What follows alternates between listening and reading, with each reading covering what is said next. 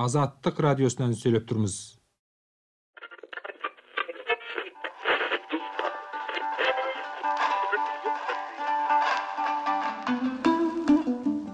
азаттык радиосунан сүйлөп турбуз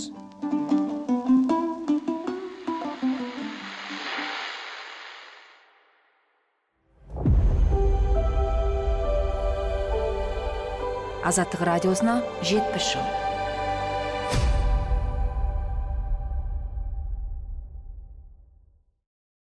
армысыздар. Бір мың тоғыз жүз тоқсан бірінші жылы тамызда азаттыққа сұхбат берген советтік қазақстан президенті жаңарған одақ туралы шартқа қол қоятынын айтқан. Қазір сол сұхбаттың аудиосын тыңдайсыздар. Кейін оппозиция өкілдері оған желтоқсан қайталанбасын десең деп біраз шарт қойған. Президент назарбаев сол шарттарды қаншалықты орындады екен? Сол жылы елде алғаш тікелей президент сайлауы өтіп назарбаев жалғыз кандидат ретінде қатысқанын білетін шығарсыз. Оған қарсылас үміткерлер неге тіркеле алмады? Азаттық жетпіс подкастының бүгінгі эпизодында осы туралы айтамыз. Сіздермен бірге мен қуанышбек қари. Жиырмасында мына одақтық шартқа қол қойылады. Қол қойғаннан кейін менің указым шығады. Сол шартқа байланысты қазақстанның жеріндегі байлық қазақстанның жер суы қазақстанның өндіріс байлығының барлығы қазақстанның жеке басының егемендігінде оны жұмсауды жұмсаудың мәселесі тек қана қазақстан үкіметі шешетін болады деп жарлық шығарамын. Астанада ұлттық академиялық кітапханада хасен оралтайдың жеке қорында нұрсұлтан назарбаевтың қазақстан тәуелсіздік жырламай тұрғанда азаттық радиосына берген сұхбаттарының бірі сақталыпты. Бір қызығы сол кезде назарбаев азаттық радиосына іркілмей сұхбат беріп тұратын. Радионың бұрынғы қызметкері әлихан жаналтайдың айтуынша назарбаев венаға давосқа барған сапарларында радио тілшісі өмірхан алтынға сұхбат берген. Бұл кезде назарбаев әлі советтік қазақстанның басшысы болатын. Бірақ шет мемлекеттерге сапары жиілеген кез еді. Нұрсұлтан назарбаевты кремль советтік қазақстанның бірінші хатшысы етіп 1989 жылдың 22 маусымында бекітеді. Содан кейін жыл өтпей жатып нұрсұлтан назарбаев 1990 жылдың ақпан айынан бастап қазақ сср жоғары кеңесінің төрағасы қызметін қоса атқарды. Ол коммунистік және советтік биліктің барлық сатысынан өткен болатын. Арада он айдан кейін ол президенттік басқару институтын енгізіп жоғары кеңес депутаттарының дауыс беруімен президент сайланды. Қазақстан тәуелсіздігін жариялайтын қарсаңда 1991 жылдың бірінші желтоқсанында назарбаев жалпы халықтық сайлау өткізіп басым дауыспен жеңіске жетті. Ал біз қарастыратын сұхбаттың ләміне қарағанда назарбаев әлі түркияға бармаған кез. 1991 жылы наурыз айында түркияның сол кездегі президенті тұрғыт өзал қазақстанға сапарлаған. Назарбаевтың сапары сол жылдың қыркүйек айында болған. Мына сұхбатта осы аралықтағы жайлар сөз болады. Бұл сұхбатты алған азаттық радиосының түркиядағы тілшісі мұхтархан оразбай. Сіздің жақында естуімізге қарағанда мынау түркия республикасына ресми сапарда болатыныңызды естідік осы жөніндегі ойларыңызды білгіміз келеді. Менің шақыруымменен түрік мемлекетінің президенті тұрғыт озал мырза келіп кетті алматыға. Біз шартқа қол қойдық. Көп мәселелер қазір жүріп жатыр. Сол кісінің шақыруы сол шақыруды биылғы жылдың аяғына дейін орындасам ба деген ниет бар. Оған біз дайындалып жатырмыз. Ең бірінші мәселе мынау экономикалық әлеуметтік жағынан екі жақтың қарым қатынасын жақсарту.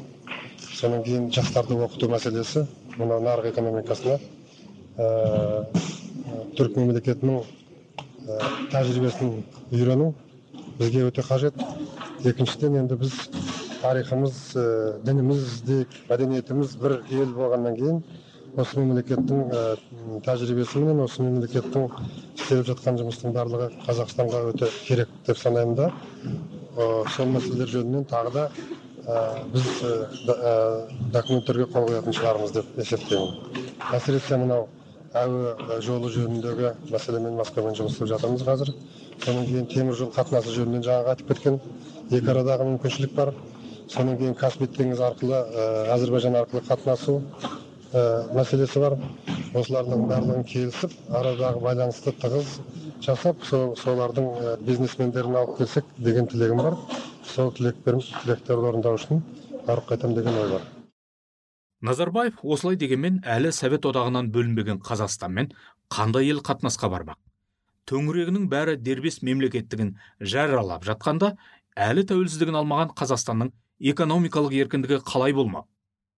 Ал осында бір мәселе болып отырған жай бар. Мен мынау түркияда көптеген бизнесмендермен сөйлесіп те көрдім. Олар қазақстанға кейбір қаржы қосу мәселесін ойласып отыр. Бірақ қазақстанның экономикалық жақтан дербес болмау орталыққа бағынуы осы мәселеге кейбір жақтардан толғаныс тудырып ә, кейбір кідірістер әкеліп отырғанын айтады. Сонда ә, қазақстан өзінің егемендігімен бірлікте экономикалық жақтағы егемендігін жүзеге асыра ма ол мәселе маған белгілі. Жиырмасында мына одақтық шартқа қол қойылады. Қол қойғаннан кейін менің указым шығады. Сол шартқа байланысты қазақстанның жеріндегі байлық қазақстанның жер суы қазақстанның өндіріс байлығының барлығы қазақстанның жеке басының егемендігінде оны жұмсауды жұмсаудың мәселесі тек қана қазақстан үкіметі шешетін болады деп жарлық шығарамын. Қазірдің өзінде де солай болып жатыр. Ол мәселе шешіледі. Айтайын дегенім ә, бүкіл ә, түркия халқына әсіресе біздің қазақ ағайындарға солардың ішінен қолынан іс келетін бүгіні қаражаты бар қаржысы бар адамдар болатын болса қазақстанда жұмыс істеймін десе өзіміздің ағайындарға барлық жағдайды біз жасаймыз. Жаңа айтып отырмын қытайдың шетелде жүрген қытайдың барлығы қанша қаржысы бар алып келіп қытайға саласың көрінеді. Біздің де қазақтар бар осы күні бизнеспен заниматься етіп жүрген әр жерде сыртқа шығып жүрген батыс еуропада жүрген солардың қаражатын алып келіп бізге мекемелерге салса деген менің өте бір үлкен тілегім бар қазақстан көбінесе мынау әзір айтылып жүргеніне қарағанда мынау оңтүстік корей жапония сингапур сияқты мемлекеттердің экономикалық тәжірибелерін қабылдағысы келеді бірақ осындай мемлекеттердің көбі ұлттық бірыңғай мемлекет ал қазақстан болса көпұлтты мемлекет. Осы мәселеде қазақстандағы ұлттық экономиканың дамуына қандай ә, шаралар қолданбақшысыз? Ол енді ұлттық экономика ұлттық экономика емес деп жататын мәселе емес. Мысалы америка құрама штаттарында үш жүз елуден астам ұлттың өкілдері тұрады.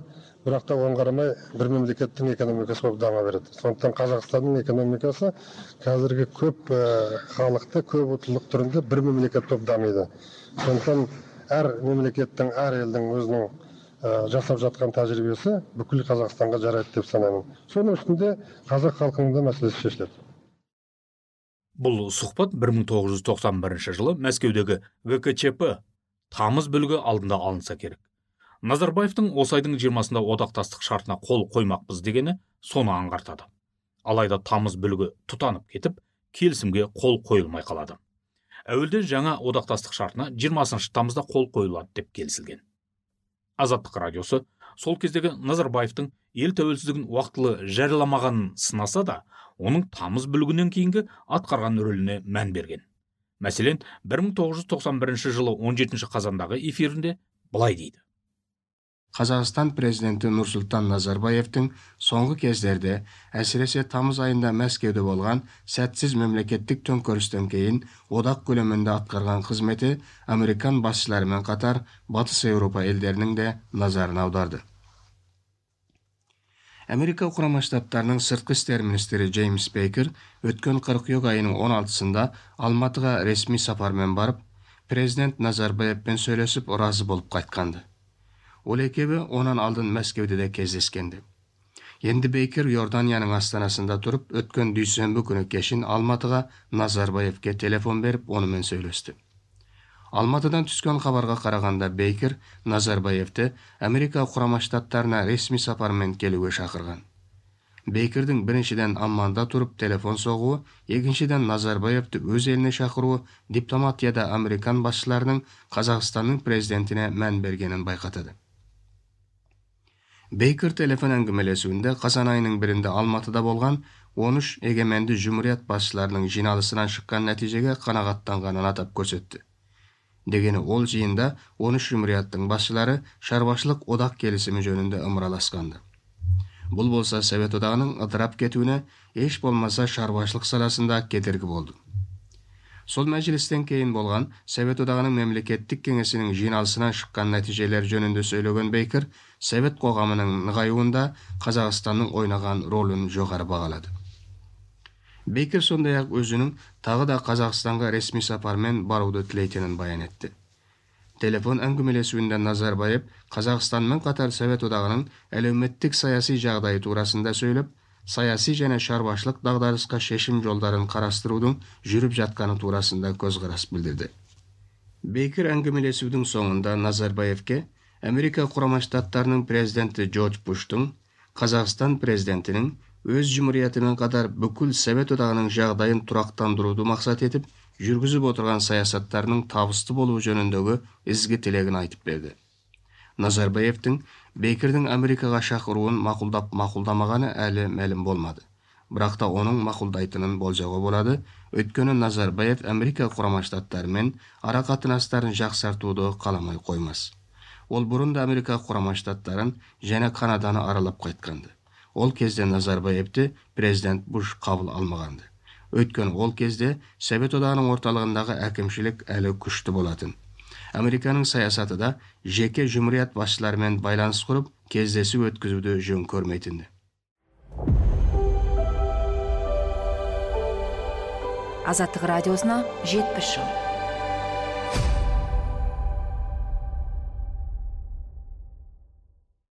Бұл қазақстан тәуелсіздігін жарияламаса да назарбаевтың халықаралық қатынастағы алғашқы қадамдарының сипаты. Оның ядролық қарулардың өз орнында тұруы керек деген ұстанымда болуы құптарлық жағдай ретінде қабылданған. Назарбаевтың ядролық қаруға қатысты бағыт бағдары туралы алдыңғы эпизодтардың бірінде кеңірек баяндағанбыз. 1991 жылы қазан айының соңында назарбаевтың ұлыбританияға болған бес күндік сапарында да осы мәселелер халықаралық ақпарат құралдарының назарында болған. Алайда назарбаев үнемі сүйкімді бола бермеген. Әсіресе оның ішкі саясаттағы қадамын қоғам жиі сынаған. Сол қазан айында президент сайлау туралы заң қабылданып жоғарғы кеңес биліктің үш тармағы басшыларын бекітеді. Сонда назарбаев премьер министрлікке сергей терещенконы ұсынады. Белсенділер оған наразы болып парламент үйінің алдында пикет ұйымдастырған. Пикетте демократ қозғалыстардың өкілдері әртүрлі плакаттар алып шықты.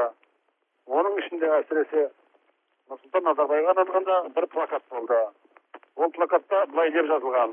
Нұрсұлтан желтоқсан қайталанбасын десең райыңнан қайт. Терещенконы шымкентке қайтар. Кчп ны қолдаған терещенконы үкімет басына қою демократияға қастандық республиканың үш басшысы да жергілікті ұлт өкілінен болсын. Жалған интернационализмнің күні өтті деп пикетті ұйымдастырды. 1991 жылы қазан айында жоғары кеңестің кезектен тыс алтыншы сессиясы қызу талқысымен есте қалады. Азаттық радиосы 17 қазан күнгі эфирінде жоғары кеңес президент сайлауы туралы заң қабылдап назарбаевты президенттікке кандидат ретінде бекіткенін хабарлайды. Сонымен президент сайлау жөніндегі заң қабылданды. Ендігі жерде жүз мың адамның қолын жинау керек болды президенттікке ұсынылу үшін. Сонымен бірге депутаттар өздері де президент ұсынатын болды. Ал енді президенттік сайлау қазақстанда биылғы жылдың бірінші желтоқсанында өтетін болды. Кешегі сессияның кезінде депутаттар президентке кандидат етіп нұрсұлтан назарбаевты сайлады. Бұны ұсынған депутат тәкежанов қарт депутаттардың бірі. Ал енді чернышов деген орыс азаматы ол олжас сүлейменовті ұсынды олжас сүлейменов бұл қазақстан жоғарғы кеңесінің депутаты болмаса да осы залда жүр екен ол шығып қазіргі өтпелі дәуірде нұрсұлтан назарбаевтан басқа бізге президент болатын азамат жоқ деп өзінің кандидатурасын атып тастады. Сонымен назарбаев президентке кандидатқа түсті оған дауыс беруге екі жүз сексен алты адам қатысқан болатын. Нұрсұлтан назарбаев үшін екі жүз жетпіс алты адам дауыс берді. Екі адам қарсы дауыс берді төрт адам қалыс қалды. Төрт адам бұл дауыс беруге қатысқан жоқ. Азаттық радиосына жетпіс жыл.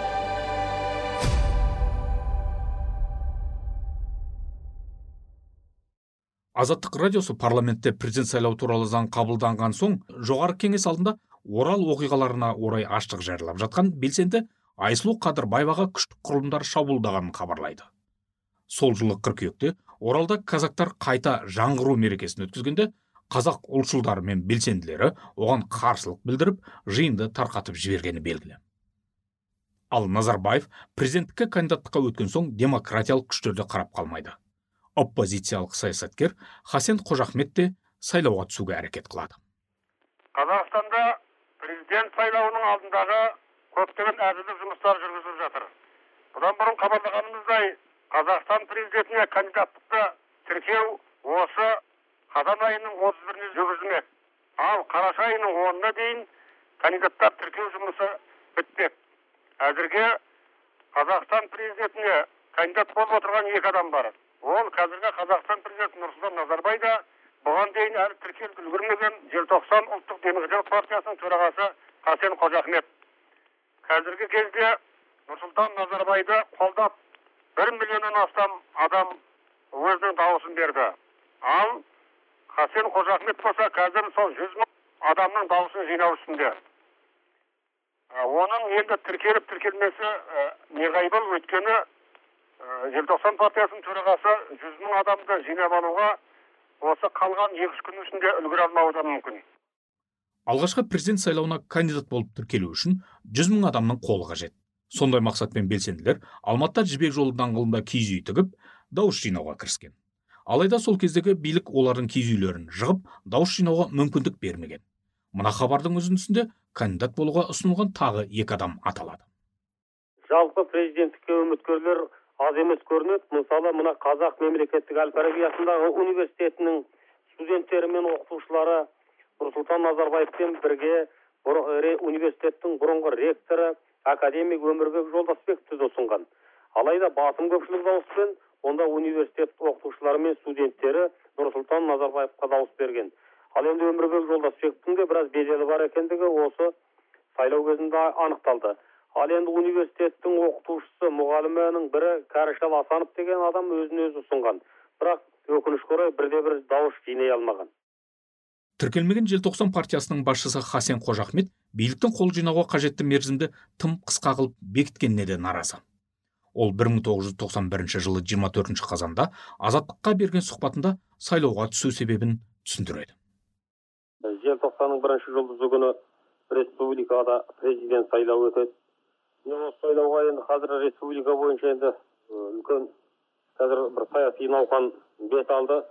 Бұл науқанда енді көпшілігі мынау еңбек коллективтері дейді үлкен үлкен кәсіпорындар заводтар фабрикалар солардың атынан енді көпшілігі қазіргі президент нұрсұлтан назарбаевтың кандидатурасын қолдау жөнінде үлкен бір науқан жүріп жатыр.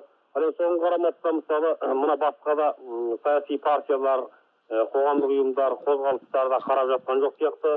Мысалы қазақстанның желтоқсан ұлттық демократиялық партиясы өзінің жалпы жиналысында мына президенттің кандидатурасына альтернатива ретінде белгілі композитор және мына қазақстан желтоқсан ұлттық демократиялық партиясының төрағасы қасен қожахметтің кандидатын президенттікке ұсынды.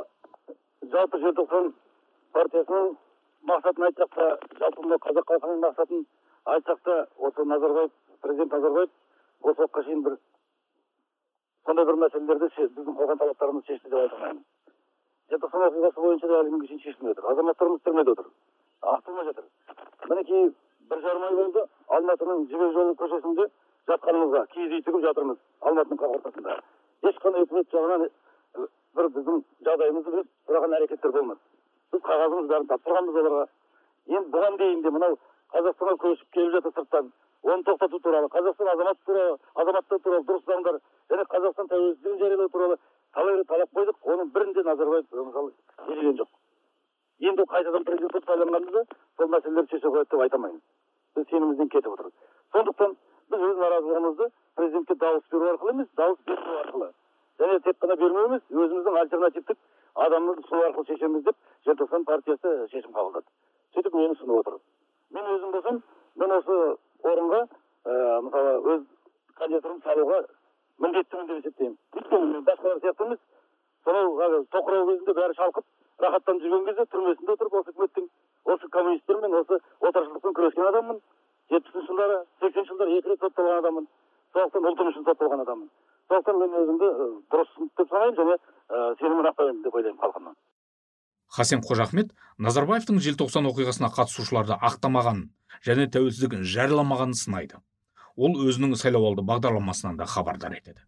Саясаткер елге жаңа конституцияның қажеттілігін айтады.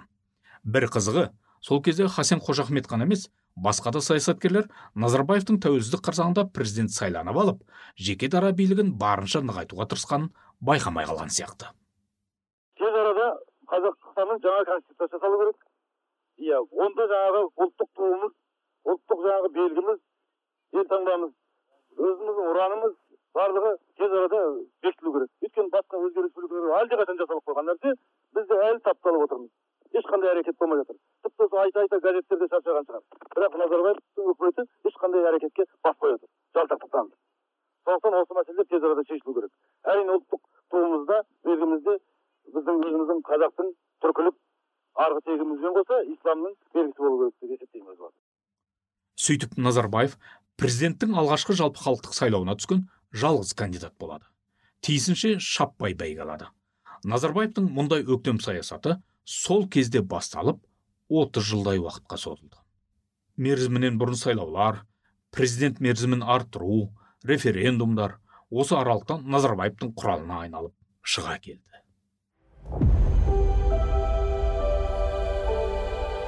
Азаттық радиосына жетпіс жыл.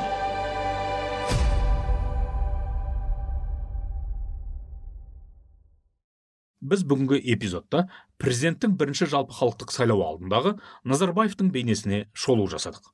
Алда назарбаев билігінің бір жылдығына тоқталамыз. Осымен бүгінгі эпизод тамам. Подкастты азаттық сайтынан подкаст платформаларынан және азаттықтың ютуб арнасынан жүктеп алуға болады. Келесі эпизодта кездескенше сау сәлемат болыңыздар.